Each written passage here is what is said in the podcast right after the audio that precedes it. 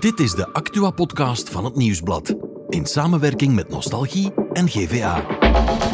Het is vandaag woensdag 7 juni en in Oekraïne zijn er al 40.000 mensen geëvacueerd door overstromingen. De Belgische duivenwereld die staat in rep en roer rond De Woud. En in Limburg is er ruzie over een haag van 177.000 euro. Maar met onze insider van vandaag heb ik het over de blok, de examens en alle mogelijke legale en illegale middelen die studenten nemen om alert te blijven. Werken die wel? Wij zochten het uit. Ik ben Bert Heijvaart, welkom bij de Insider. Wie? Jan Tietgat, Wat? toxicoloog aan de KU Leuven. Waarom? Hij onderzocht voor ons welke pepmiddeltjes helpen in de blok. En hij heeft één favoriet. Dag, Nikke Beschots. Dag Bert. Nick, je bent TikTok-journalist. Een moderne term, eh, anno 2023. Zeker wel. Ja, ehm, en je bent ook een van de drijvende krachten achter ons Creative Lab. Dat is, jullie maken eigenlijk content voor jongeren op de redactie. En het is een belangrijke periode voor jongeren. Ja, de blok, eh, examens. Eh, Mhm. studenten zitten volop in de examenperiode. En, Het voelt een beetje nostalgisch, moet ik zeggen. Ja, is het al lang geleden voor je? Of, eh, Ja, dat is al lang geleden. Dat is al bijna twintig jaar geleden. Ik ben tien jaar geleden begonnen aan mijn eerste blokperiode. Ja, dat, dat was heftig. Maar ehm, eh, ik weet nog van toen, en, en we weten dat nu ook op de redactie, dat studenten eigenlijk op zoek gaan naar studeermiddeltjes. Ja, studeermiddeltjes in de vorm van pepmiddeltjes, roesmiddelen, om eigenlijk gewoon alerter te zijn. Van alles. Ja, eh, legale dingen, illegale dingen. Ehm, het is geweten dat studenten eh, naar geestig op zoek gaan naar iets om te helpen eigenlijk eh, Ja. bij het verwerken van al die ehm, inhoud van hun lessen eigenlijk. Ja, en jij vroeg je af, werken die allemaal wel? Bij wie ben je op bezoek geweest? Ik ben op bezoek geweest bij Jan Tietgat, eh, toxicoloog van de KU Leuven, ehm, die ons heeft verteld ehm, welke middeltjes er zo rondgaan bij studenten en welke dingen die werken. En hij heeft een heel lijstje gegeven en dan wat commentaar. Dus, Ja. eh, Jullie hebben dat per middel gedaan. Ik zou zeggen, wie al die video's wil bekijken, eh, check zeker TikTok en Instagram op de account van het Nieuwsblad. Super interessant. Wij gaan hier vandaag een overzicht geven van enkele bevindingen van, van jullie en van dit gat. En we beginnen bij een classic en ik. Koffie, cafeïne, dat wordt in sloten binnengegoten tijdens de blok. Zeker wel, een jat kaffe. Ehm, studenten drinken eh, cafeïne, eh, vooral via koffie, thee en cola-dranken. En het zit Mhm. ook in een aantal energiedranken, zoals Red Bull en Monster. Ja. Het werkt, maar het heeft een kortstondig effect en daarom moet je vaker cafeïne binnennemen, innemen eigenlijk, drinken. Het werkt, zeg je. Ja, jullie hebben eens aan Jan Titgat gevraagd, hoe werkt dat dan juist? En hier is zijn uitleg. Cafeïne is een stofje dat op de hersenen een soort eh, milde stimulering eh, teweeg, brengt. Het geeft ook wat diuretisch effect, dus je moet ervan gaan plassen op de duur. Eh, je vindt het in koffie, in thee, in coladranken. Ehm bij verantwoord gebruik is het eigenlijk heel veilig. Hè. Wereldwijd wordt het gigantisch veel gebruikt. Maar je moet wel opletten, als je te veel cafeïne zou innemen, kan je effectief daarvan sterven. Ehm, en je kan je dus met een hartritmestoornis geconfronteerd worden, zenuwachtigheid, je kan de slaap niet vatten. Dus toch ook hè, met mate te gebruiken. Ja, en wat is dan eigenlijk te veel? Geen 10 of 20 tassen koffie. Dus uh, Tietgat vertelde dat de Hoge Gezondheidsraad eigenlijk een 4 à 10 tassen koffie aanraadt, afhankelijk van lichaamsgewicht. Dus iemand kleiner kan minder koffie, cafeïne verdragen dan iemand met het lichaam van een grote basketbalspeler bijvoorbeeld. Uh, zelf had hij het over 400 milligram cafeïne per dag. En omdat een Belgische tas koffie uh, zo'n 80 milligram cafeïne bevat, zouden 4 à 5 tassen koffie goed moeten zijn. Eigenlijk. Ja, dan, dan zit je safe. Vanaf je, dat je veel hoger gaat, dan is het niet zo gezond. Nee, dan is het niet zo gezond. Dan komen er dingen zoals hartritmestoornissen, hartkloppingen um, en een beetje zenuwachtigheid bij kijken. Oké, okay, cafeïne is legaal, kortstondig effect wel. Maar zoals je in het begin al zei, ja, we weten dat studenten ook op zoek gaan naar andere middelen, um, illegale middelen die, die frequent gebruikt worden. De welke zijn dat zoal? Welke zijn de meest gebruikte?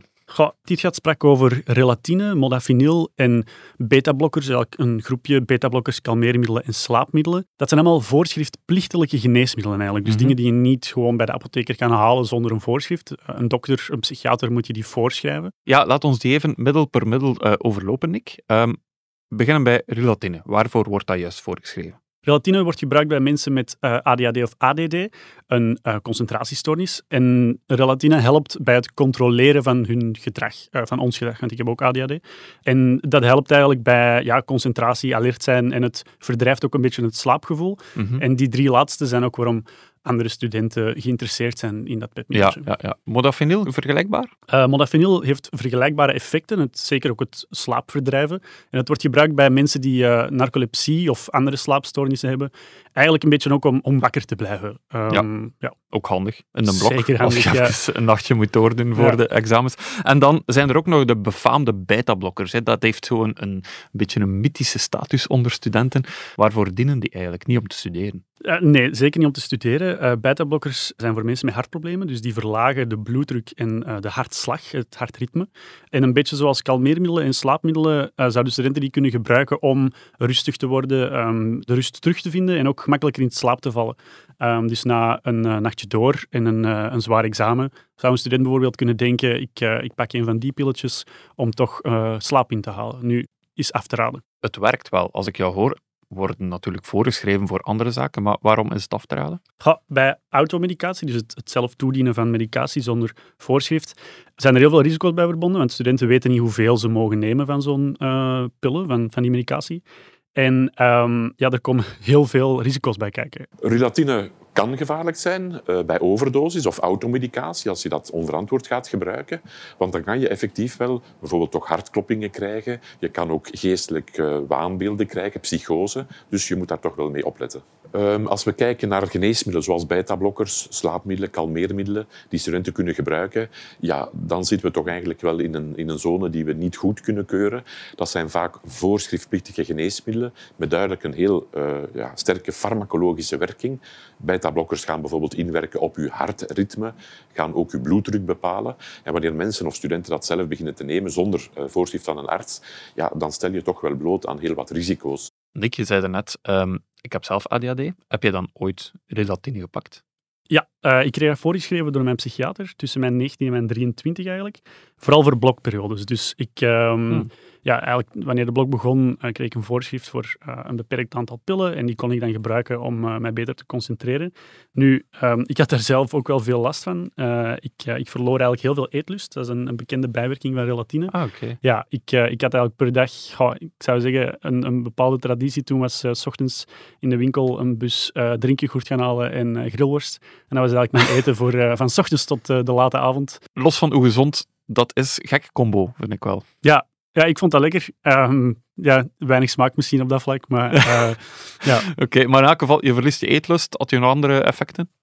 Eh, na een hele lange dag eh, relatine nemen, had ik wel last van een dip ook, zeker ook op emotioneel vlak. Dus ik was een beetje een onuitstaanbaar persoon wanneer mijn eh, medicatie uitgewerkt Ja. was. Ja. Ja. dat is ja, een hele dag concentreren en ook hard werken, doorvakken.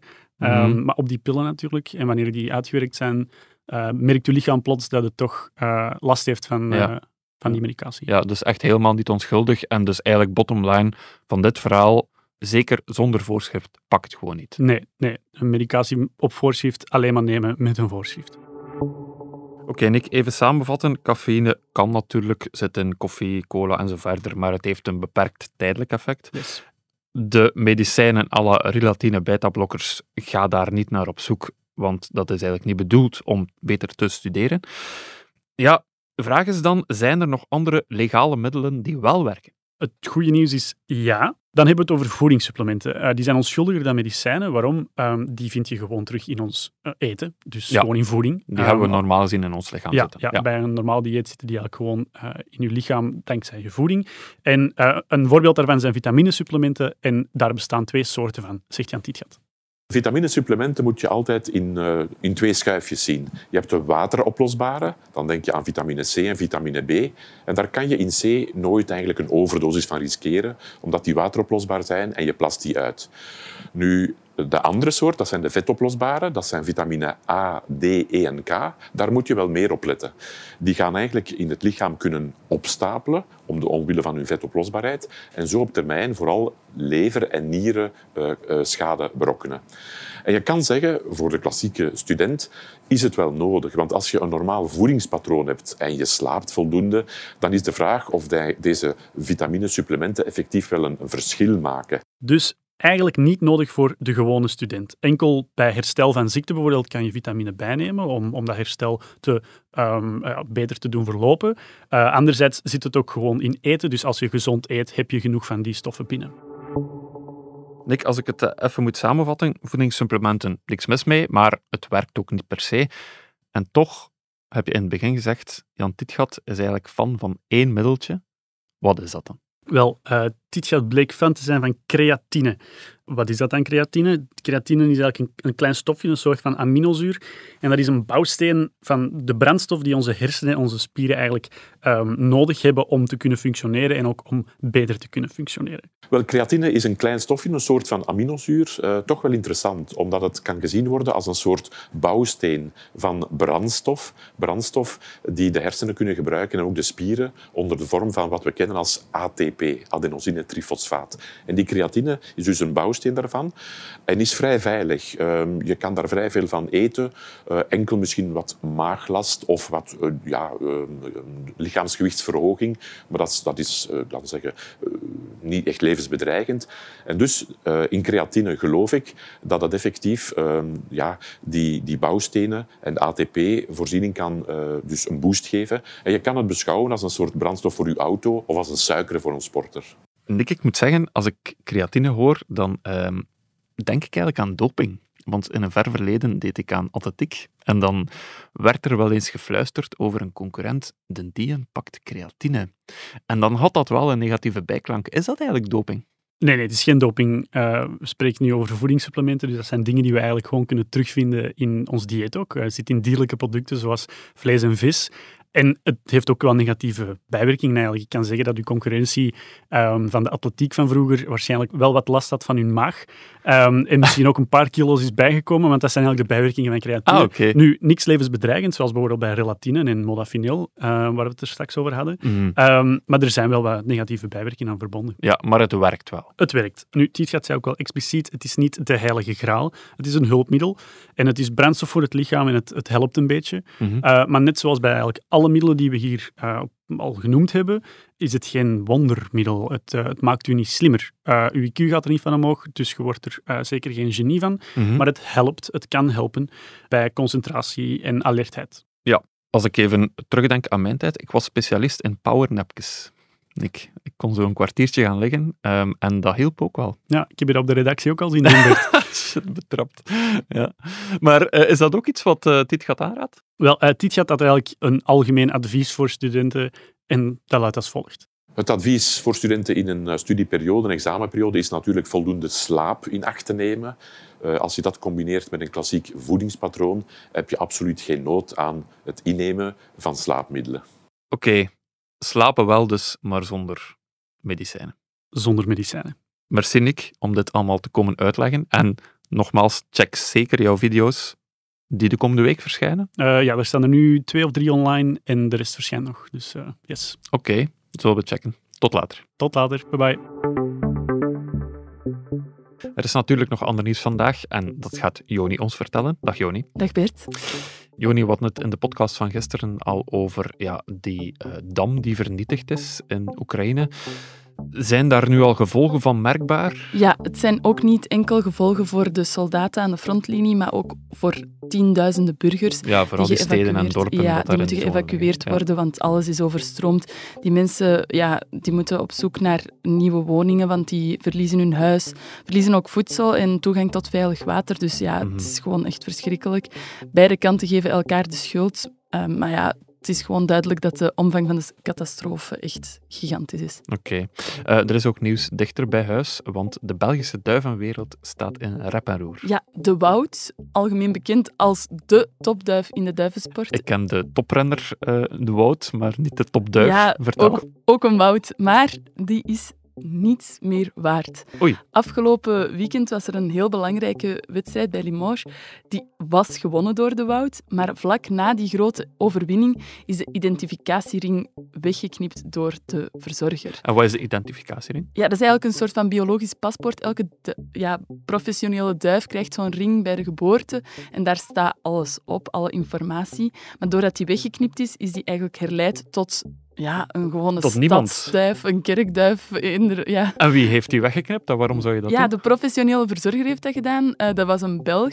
En die wou graag dat de duif in België bleef. Maar de eigenaar van de duif, die wou de duif meenemen naar Nederland om voor te planten, om nog wat meer topduiven te maken. Maar doordat die, ehm, ja, doordat die ring weggeknipt is, is die niks meer waard.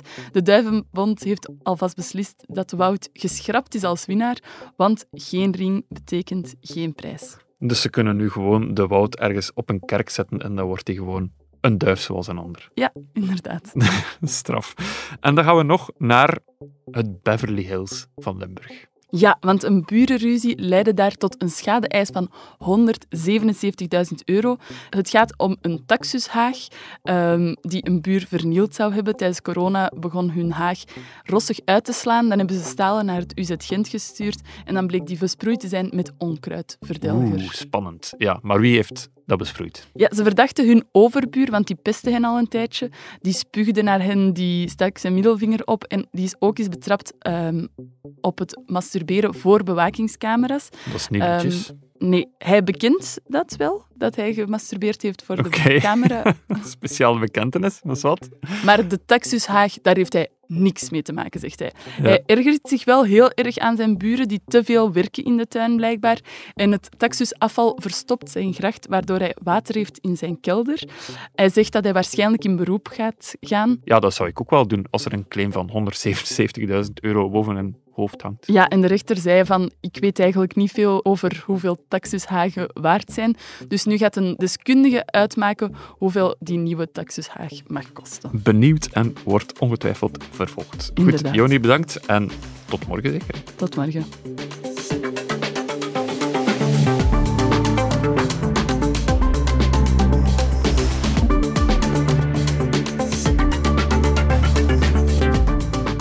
Was The Insider, een podcast van het Nieuwsblad in samenwerking met Nostalgie en GVA.